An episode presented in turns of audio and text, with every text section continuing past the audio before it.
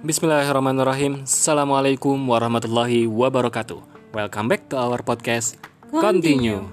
Ya, kembali lagi bersama kami berdua. Ada Nadia dan ada Awaldi di sini kembali mengudara em, dengan mungkin setelah kemarin kita di pekan kemarin kita nggak mengudara ya, nggak mengudara sama sekali. Tapi kami hadir lagi di pekan ini untuk kemudian membahas dengan tema bahasan yang berbeda lagi.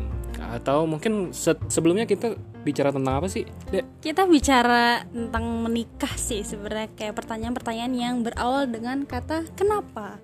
Kenapa kita menikah muda? Kenapa sih Nadia Awaldi bisa saling memilih? Kayak gitu. gitu ya jadi kalau misalkan teman-teman belum dengerin bisa dengerin ke Episode, Episode sebelumnya. oke nah eh, tapi kali ini kita akan kembali lagi-lagi ini nggak sih? Kita akan ngejawab ini. Iya, tapi ini juga masih tentang menikah sih. tentang menikah. Tentang menikah dengan Dan- pertanyaan yang berbeda. pertanyaan yang berbeda ya. Emang banyak yang nanya nih ke akun Instagramnya Nat Karima.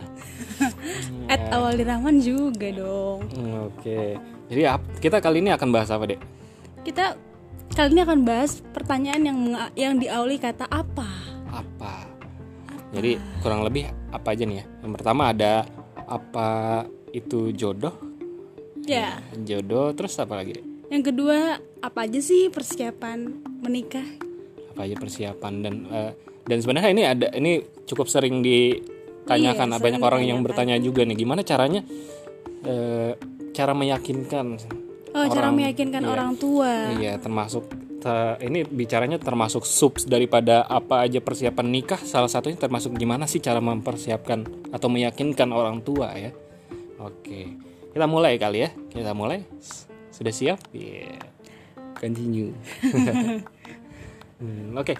Kita mulai dari bahasan apa itu jodoh gitu. Apa itu jodoh?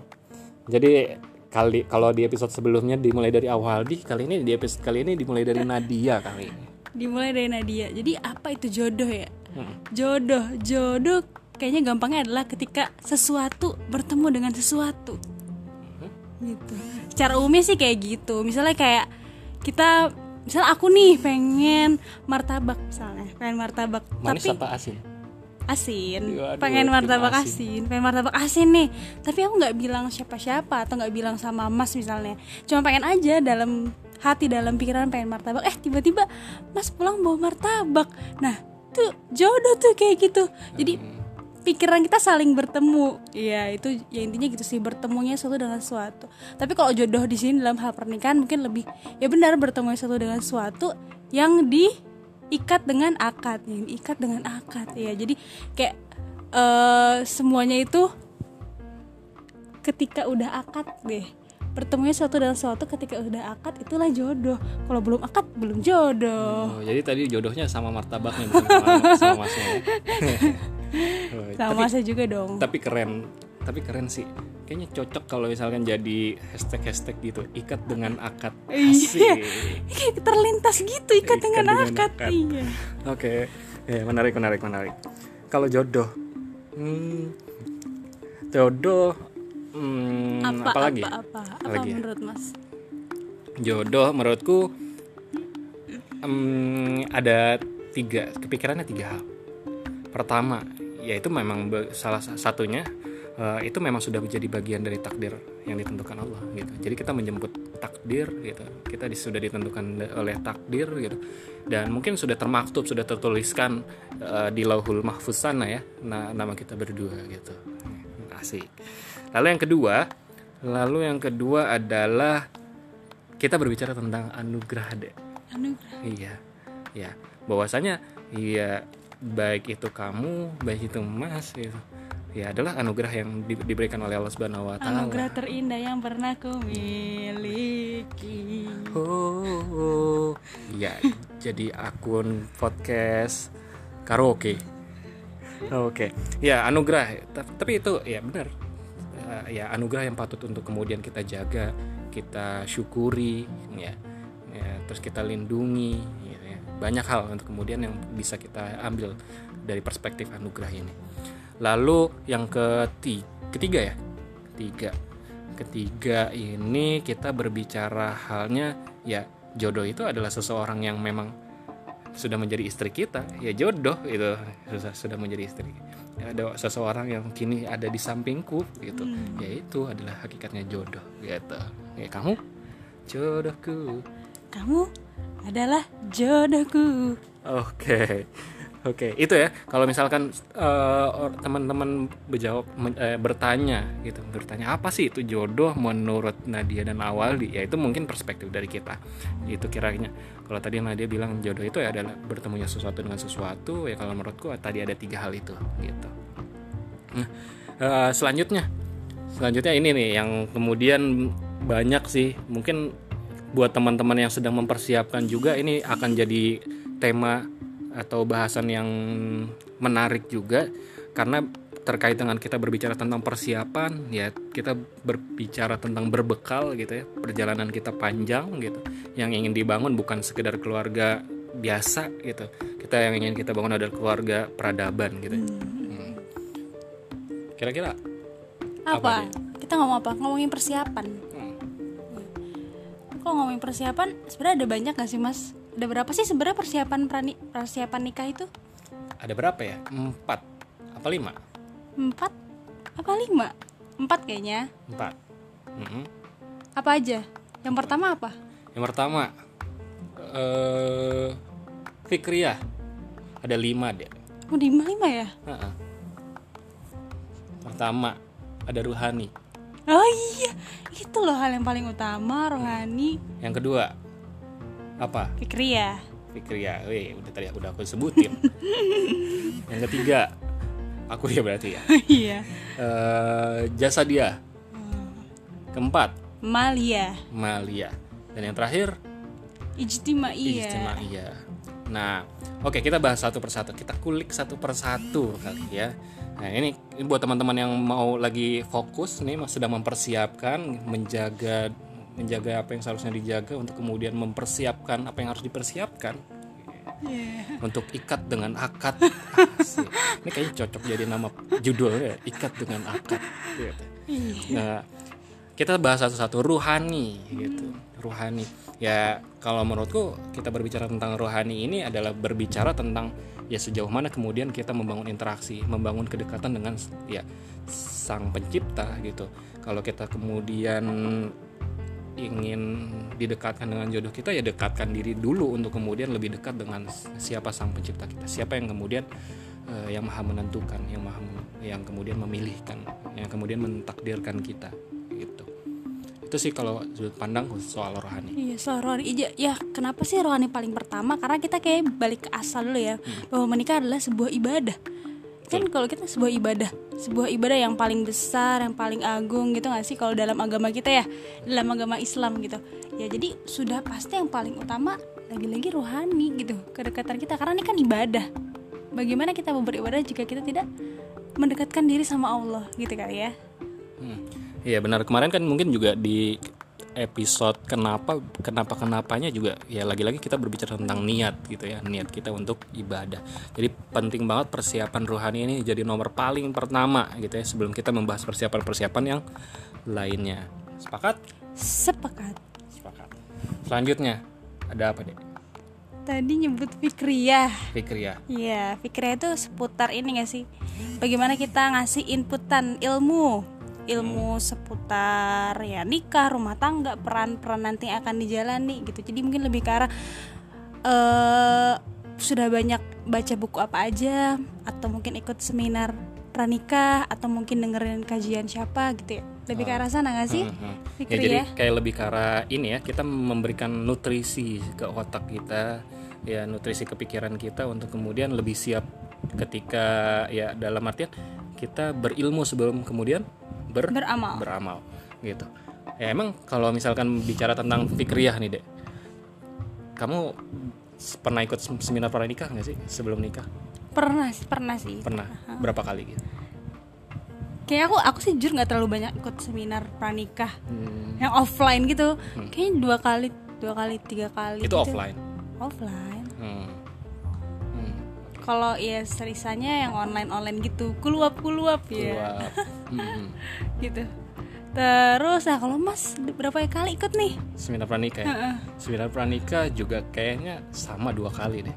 Waktu itu acaranya Kang Coki Kang Coki sama waktu itu yang diadain oleh teman-teman Ashifa FK 4 teman-teman koasnya kalau nggak salah iya, sih. iya, iya. teman-teman koasnya. Bahtera apa kalau nggak salah. Eh masih inget nama judulnya. Judul kegiatan. Sama kalau misalkan offline offline gitu enggak sih sebenarnya. Sebenarnya tapi lebih ke arah ke dengerin kajian. dengerin kajian sama baca buku. Oh. baca buku. Lah kalau kamu sendiri deh berapa buku yang kira-kira untuk mempersiapkan nikah nih buku ya? Aku agak lupa berapa buku tapi kayaknya oh mungkin tiga buku gitu sih kali ya. Tiga oh tiga buku. Satu buku tentang finansial dalam rumah tangga terus buku kedua adalah tentang parenting gitu sih. Sama yang buku ketiga itu bukunya ini seriesnya Pacah yang Wonderful Family itu Oke. Kalau aku juga ya nggak jauh beda sih. 4 sampai 5 buku lah yang kemudian aku baca.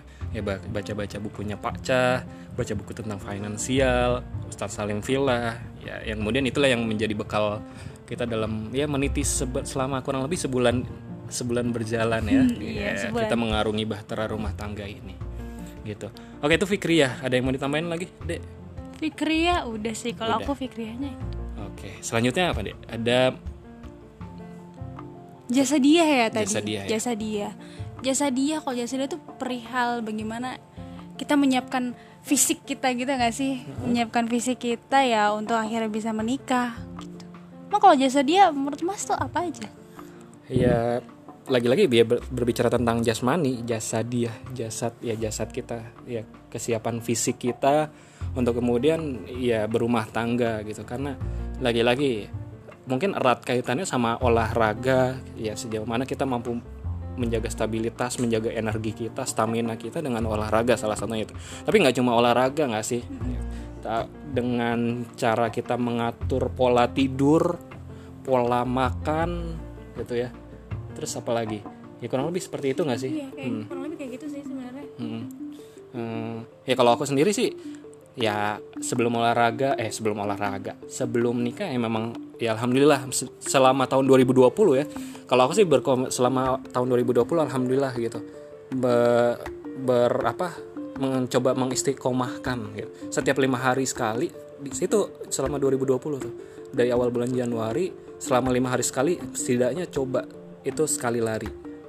Sekali lari ya sekali lari 3 kilo sekali lari 5 kilo Nah, pernah juga sampai 10 kilo gitu. Ya itu sebagai salah satu bentuk ikhtiar dalam bentuk jasa dia tapi juga pola makannya ya. Ya kalau misalkan dulu ya apalagi katanya bener pola makan. Katanya ya katanya aktivis-aktivis itu kan nggak mereka yang suka makan telat dan segala macam tapi ya setelah kemudian memantapkan hati memantapkan niat untuk kemudian menikah ya pelan-pelan dong pelan-pelan untuk kemudian mencoba memperbaiki pola makan gitu yang awalnya makannya suka bolong-bolong makannya suka nggak rutin jadi pelan-pelan diperbaiki atau yang makannya nggak memperbaiki eh, memperhatikan asupan gizi yang ada ya pelan-pelan coba eh, belajar aware gitu terhadap makanan-makanan yang dipilih, makanan-makanan yang sebelum diasup itu. Dan pola tidur juga sama halnya seperti itu. Lebih banyak menghindari begadang yang nggak perlu gitu. Gitu sih. Kalau dari aku ya. Hmm. Kamu mau cerita nggak? cerita. Aku aku kayaknya ya dalam hal olahraga tuh jarang gitu loh dalam hal olahraga. Ya pokoknya seminggu sekali deh tapi juga kadang juga enggak. Tapi kayak kayaknya aku lebih ke ini sih menjaga pola makan. Menu sih lebih ke menu makannya gitu loh. Kayak ya ya makanan yang sehat dalam 4 sehat 5 sempurna gitu. Ini kayaknya aku hanya itu aja deh. Iya, tapi ya ini kemudian menjadi salah satu hal penting juga ya berarti ya yang yang harus kita persiapkan Nah, gitu. Termasuk kalau ini kalau nggak salah aku nulis juga nggak sih di biodata gitu. Termasuk kalau misalkan aku merasa kurang enak badan, ya aku pasti akan lar- larinya ke beli jus buah gitu. Hmm, kalau kamu kalau lagi enak badan biasanya apa tuh ininya? Rahasia rahasia rahasianya booster boosternya booster boosternya. booster boosternya apa ya JSR sih aku mah Apa tuh JSR? apa sih aku lupa loh dokter Zaidul Akbar juru sehat Rasulullah apa jurus sehat Rasulullah kayaknya kayak gitu jadi kayak ramuan-ramuan gitu Oke. Bisa mungkin bisa dicari tahu sama teman-teman ya JSR ya biar kita nggak sekedar ini teman-teman juga aktif mencari tahu ya, JSR. Oke itu tadi yang ketiga ya. Ketiga nggak sih? hmm, ketiga Oke. Lanjutnya? Selanjutnya yang keempat adalah maliyah. Maliyah atau ya persiapan finansial. Finansial untuk sebelum menikah gitu. Ini tuh banyak banget tau mas yang nanya ke aku tentang finansial ini tentang finansial. Apalagi kayak pertanyaannya gimana sih sebenarnya kayak sebenarnya pertanyaan buat mas kayaknya buat seorang laki-laki gitu. Buat seorang laki-laki gimana sih sebenarnya kesiapan terhitung siap gitu? Gimana sih laki-laki terhitung siap secara finansial untuk menikah? Kayak gitu. Dan gimana sebenarnya perempuan eh, lebih menerima kah atau apakah punya targetan-targetan kayak harus begini calon suami atau harus begitu gitu jadi banyak yang nanya itu ke aku Oh iya? Kenapa nggak ada yang nanya ke aku ya? ada meren Ada merenya. Oke, Maliyah. Jadi ini persiapan tentang kes- kesiapan harta ya berarti ya. Kesiapan harta. Ya mungkin ini menjadi banyak apa ya? Menjadi banyak tantangan juga ya. Maksudnya sebelum kemudian baik itu laki-laki maupun perempuan melanjutkan ke jenjang selanjutnya ini mungkin jadi salah satu topik pikiran juga ya. Ah, ada nggak ya? Terus kita mau nafkah mau ngasih makan anak orang apa ya pakai cinta ngasih makannya kan nggak bisa juga gitu ya nah tapi kalau ya aku sendiri ya kembali ke mungkin ke podcast yang episode pertama kemarin gitu ya bahwasanya manis tato amin kumul baah falyatazawwaj. Ya itu diartikan dua hal sih tentang sama sama ulama. Ya kesiapan kita be, apa melakukan hubungan gitu ya. Suami istri katakanlah itu termasuk baah. Atau juga yang ulama yang bilang bahwa saya mampu untuk mencari nafkah memberi nafkah gitu ya. Nah tapi pada pada cenderung ulama itu sepakat yang eh, mampu berhubungan gitu tapi dalam artian mem- memberi nafkah di sini bukan artian kita kesampingkan begitu saja ini menjadi salah satu penting juga lagi-lagi karena kita harus ya peran seorang suami berbicara tentang kewajiban mereka memberi nafkah kepada istrinya. Tidak disebutkan di situ berapa berapa rupiah, berapa juta, ber- berapa ratus ribu, berapa jutanya untuk kemudian menafkahinya. Ya. Tapi di, kalau di sini kemarin yang kemudian yang apa ya, kemudian menggerakkan, memberanikan gitu ya. Ya alhamdulillah gitu. Alhamdulillah semasa saya waktu ngejabat menjabat alhamdulillah ketika waktu itu saya masih menjabat sebagai wakil ketua BEM Unpad gitu. Ya alhamdulillah saya juga dikasih atau dibukakan pintu rezekinya untuk kemudian menjadi salah satu mentor beasiswa di salah satu lembaga Baitul Mal. Ya, Baitul Mal. Nah, itulah kemudian eh, keran penghasilan saya mulai masuk, mulai ada gitu. Saya alhamdulillah bisa membantu orang tua juga gitu atau mungkin eh, sebenarnya itu nggak hanya penghasilan itu memang penghasilan tetap pertama yang saya dapatkan tapi alhamdulillah sebelumnya itu sebelumnya itu juga saya menjadi salah satu penerima manfaat beasiswa aktivis Nusantara atau mungkin yang teman-teman kenal dengan Bakti Nusa ya. Sama dong. Sama ya? Iya. Sama. Sama. Ih. ya kamu angkatan berapa sih? Angkatan 9 angkatan 9 angkat aku angkatan 8 bukan jadi angkatan 8 sekarang enggak angkatan 9 dong. Oke, angkatan 9 ya.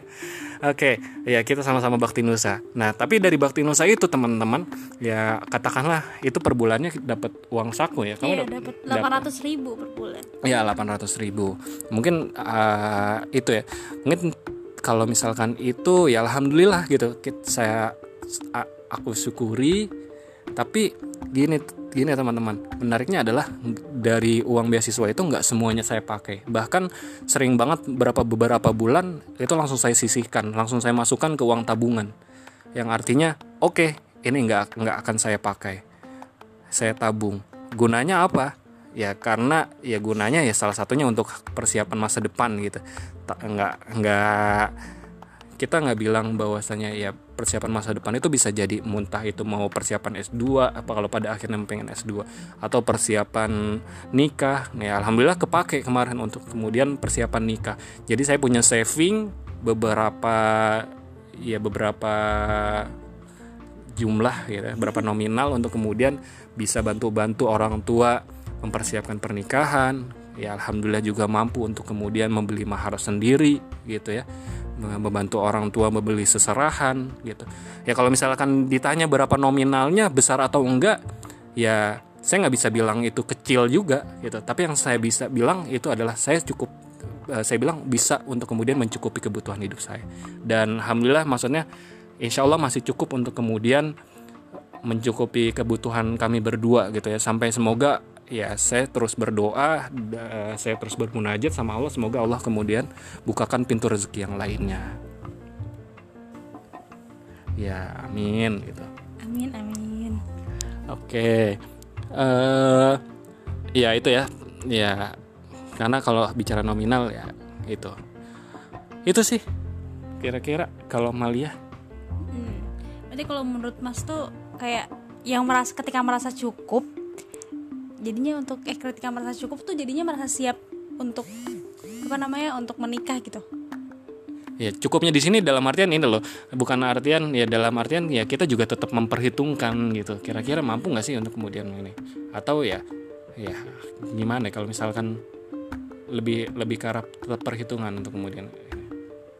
Oh gitu ya ya ya persiapan Malia ya. Iya. Kalau misalnya perempuan tuh sebenarnya lebih ke arah ini gak sih gimana eh, ya buk kan emang kewajibannya kewajibannya laki-laki seorang suami untuk mencari nafkah ya kewajibannya tapi bukan berarti perempuan nggak boleh juga gitu tapi yang maksud Malia di sini adalah kalau untuk perempuan lebih ke manajemen keuangan di rumah tangganya gitu nggak sih mas?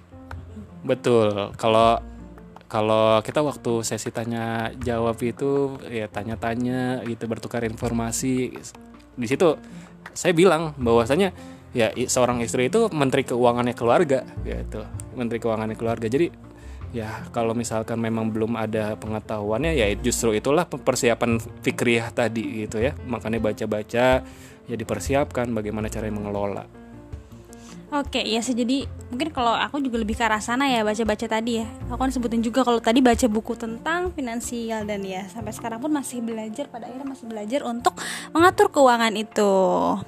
Begitu.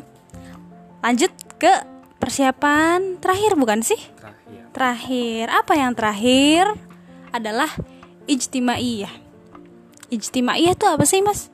Ya jadi kalau ijtimaiyah ini tadi ya kita berbicara tentang konteksnya adalah sosialisasi ya kita, kita sebagai makhluk sosial juga butuh untuk kemudian bisa bersosialisasi. Lebih ke arah ini sih kalau ijtimaiyah ini berbicara tentang persiapan yang kemudian bagaimana caranya kita bisa bermasyarakat berbaur dengan masyarakat sekitar berdampak atau berkontribusi buat masyarakat sekitar gitu. Atau juga ya ya gimana kita berinteraksi dengan masyarakat setempat gitu. Atau ya kita membangun jejaring gitu ya kalau menurut kamu Kalau menurutku jadi ijtimaiyah ijtimaiyah nih ya. Aku pernah ini sih denger mentorku tuh bilang gini, eh, bahwa ikhtiar seorang perempuan untuk mencari jodoh tuh adalah ketika dia keluar rumah. Ketika dia keluar rumah, ketika dia keluar rumah tuh artinya dia sudah berikhtiar untuk mencari jodoh gitu. Ya maksudnya adalah lebih ke eh, ikhtiar kita untuk bersosialisasi, untuk bertemu dengan orang banyak, untuk berjejaring itu sudah terhitung uh, ikhtiarnya seorang perempuan gitu. Berarti dalam hal bersosial ya. Eh, apa namanya? Karena kan? Karena apa coba? Apa? Aku lupa sedikit lupa. Karena harus keluar tadi. Karena harus keluar rumah. Ya maksudnya keluar rumah tadi kan supaya eh, apa namanya bersosial dia berjejaring gitu loh lebih ke arah sana. Karena oh aku ingat. Ya karena masa kita mau cari jodoh nih mau ya mau cari jodoh tapi kita diem diem aja gitu. Ya ikhtiarnya adalah bertemu orang banyak. Jadi kalau bilang orang bilang jodoh itu nggak ke mana-mana jadi sebenarnya jodoh itu harus kita jemput, gitu ya kita harus jemput. Oke jadi kamu mau dijemput di mana? Di halte Damri. Iya Pangdam. Oke itu dia mungkin berbicara tentang persiapan ya. Tapi ada satu lagi persiapannya mungkin yang tadi kita bahas bahwasannya meyakinkan orang tua ini menjadi salah satu sub persiapan menikah juga ya. Karena banyak orang nih yang mungkin terhalang restu orang tua juga. Bukan sebenarnya bukan terhalang hanya saja apa ya kemudian butuh ikhtiar yang lebih untuk bisa meyakinkan meyakinkan ya? meyakinkan orang tua itu ya. Iya para orang tua ya. Hmm, gimana nih? Di, dari versi aku dulu atau versi kamu? Versimu dulu. Oke versiku dulu. Oke versiku. Sebenarnya apa ya kita berbicara tentang cara meyakinkan? Cara meyakinkan orang tua adalah dengan meyakinkan diri sendiri terlebih dahulu itu saya bilang ke beberapa orang yang mungkin sudah bertanya-tanya gitu ya. Sudah ya sempat nanya personal ke gimana sih kang meyakinkan orang tuanya? dan segala macam ya kalau ingin ngeyakinin orang tua kamunya harus yakin dulu gitu. Gimana kalau kamu nggak yakin gitu e, mau meyakinkan orang tua. Dalam artian yakin di sini adalah sudah memperhitungkan sudah bisa mempersiapkan juga. Oh nanti kalau misalkan saya ditanya-tanya kesiapannya segala bentuk ke depannya seperti apa saya bisa saya mampu bertanggung jawab dan saya bisa untuk menjawabnya gitu bertanggung jawab atas ya jawaban tersebut gitu. Itu sih kalau satu hal dulu ya dari aku. Dari kamu mungkin kita ganti-gantian. Ganti-gantian perihal meyakinkan iya sih benar-benar. Tapi benar loh keyakinan itu eh orang tua akan orang tua tuh akan yakin ketika diri kita juga yakin.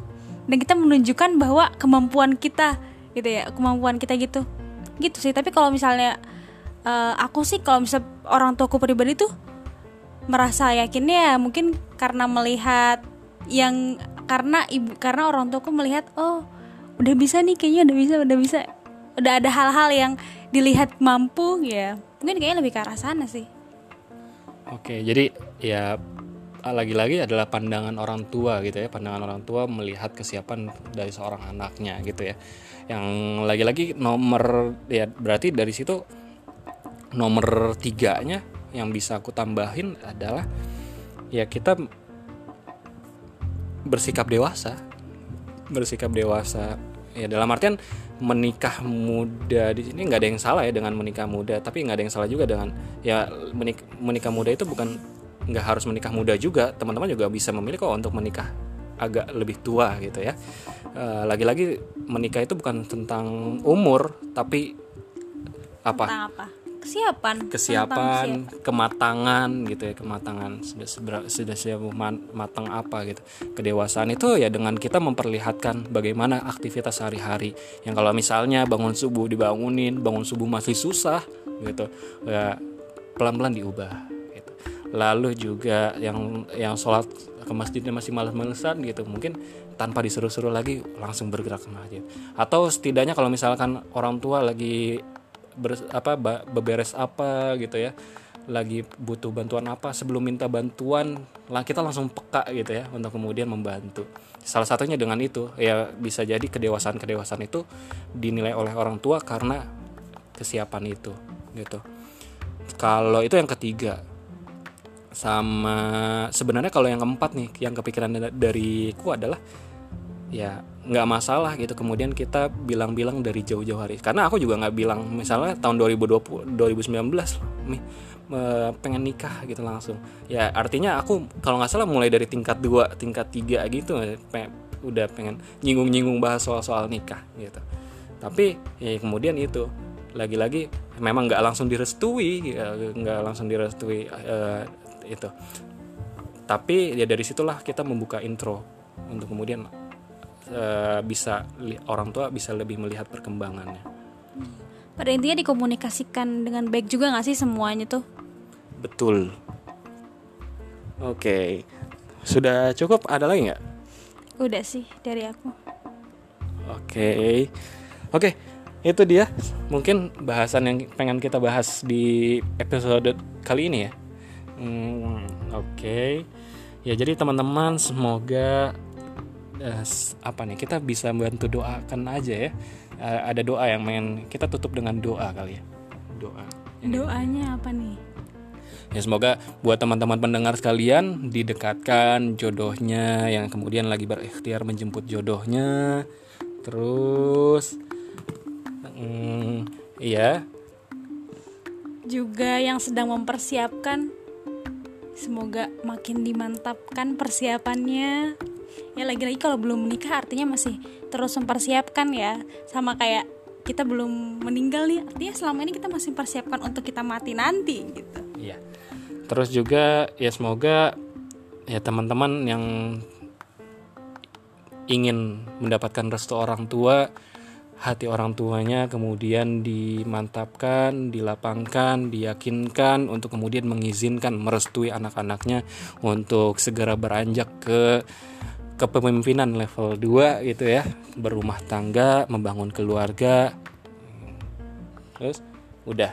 Oke, itu saja ternyata doa-doa untuk misalkan ya doa-doa untuk bisa sama-sama ya mempermudah proses teman-teman gitu ya menuju jalan halal, men- menjemput berkah dan ridho Allah Subhanahu wa taala. Oke, sekian teman-teman episode podcast continue kali ini. Sudah siap lanjut? Continue. Sampai berjumpa di episode selanjutnya. Assalamualaikum warahmatullahi wabarakatuh. 30 menit